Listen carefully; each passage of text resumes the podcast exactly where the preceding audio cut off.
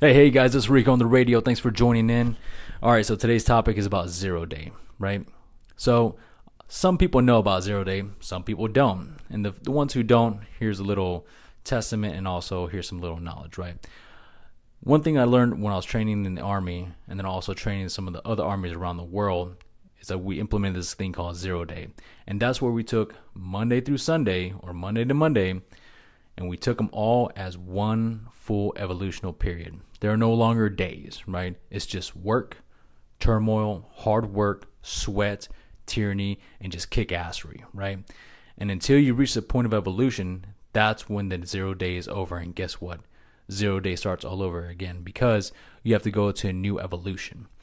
So, what that means is you get a chance and the honor to requalify for everything in your life your job, you get to requalify for your person's love. You get to qualify, requalify for your to be a parent.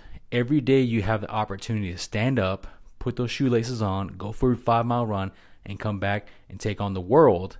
And at the same aspect, you have to sit there and say, "Hey, did I earn this? Did I requalify for this? Did I qualify to earn all these aspects?"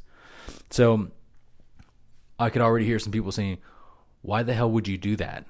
Well, a lot of people take their weekends and say, "Man, oh, thank you so much for these these moments of reprieve and relax." And nothing's wrong with that. But you have to ask yourself, is it really getting you to your objection and goal?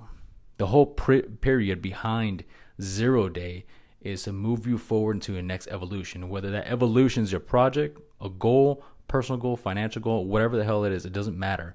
What matters is you just say no more no more Monday through Monday. This is all one evolution, right? So, what I would implore you and say, hey, what I would encourage you to do is try this tactical exercise. Sit down. No more writing out a month. Sure, if you got to financially plan out some few things, great, no problem. If you got to take vacation, cool, no problem.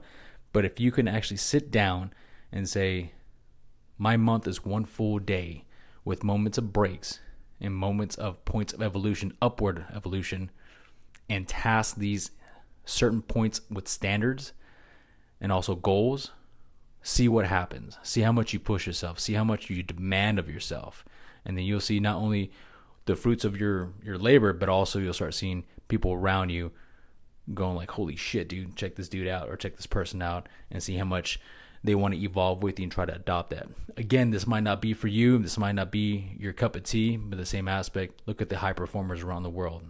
All right. So take that into consideration. Thanks for your time, guys, and take it easy.